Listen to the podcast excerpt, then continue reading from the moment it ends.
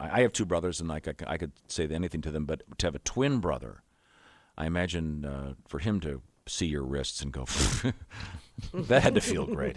you know, it's that's a, for coming from him. Like it do, doesn't matter. It's just like a version of yourself. So anything coming from him, like I could care less. It's Really? just Oh, that's, we're that's that interesting. close. I would have thought. it like would, you- I would have thought it would have been the opposite. I would have thought you would have really wanted his approval for everything. No, and this is we're like everyone always asks. Uh, you know, when you find out you're a twin, they're always like, "Wow, you- that's cool. Like you guys are really close. Do you have ESP? Like, can you read each other's minds? Or if Mm-hmm. I punch you, will he feel it?" Right? You talked about that. And I'm like, no. I, I had we had ESP one time, and I'll never forget this. It was a Friday night, and unbeknownst to me, my brother went out and just got completely drunk. Right, he was wasted.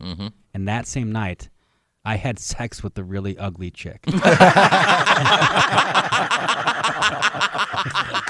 That is weird. creepy, right? It's creepy. he gets drunk a lot. he gets drunk a lot. As she was leaving, gets as she, drunk as a she was leaving, she said, "By the way, you might have syphilis." Right. Nice call. and it's going to look like a blue square at, at first. Yeah. Uh-huh. I feel better. I don't know why. I don't know. I know. It's Poor just- Chell. I'm feeling great.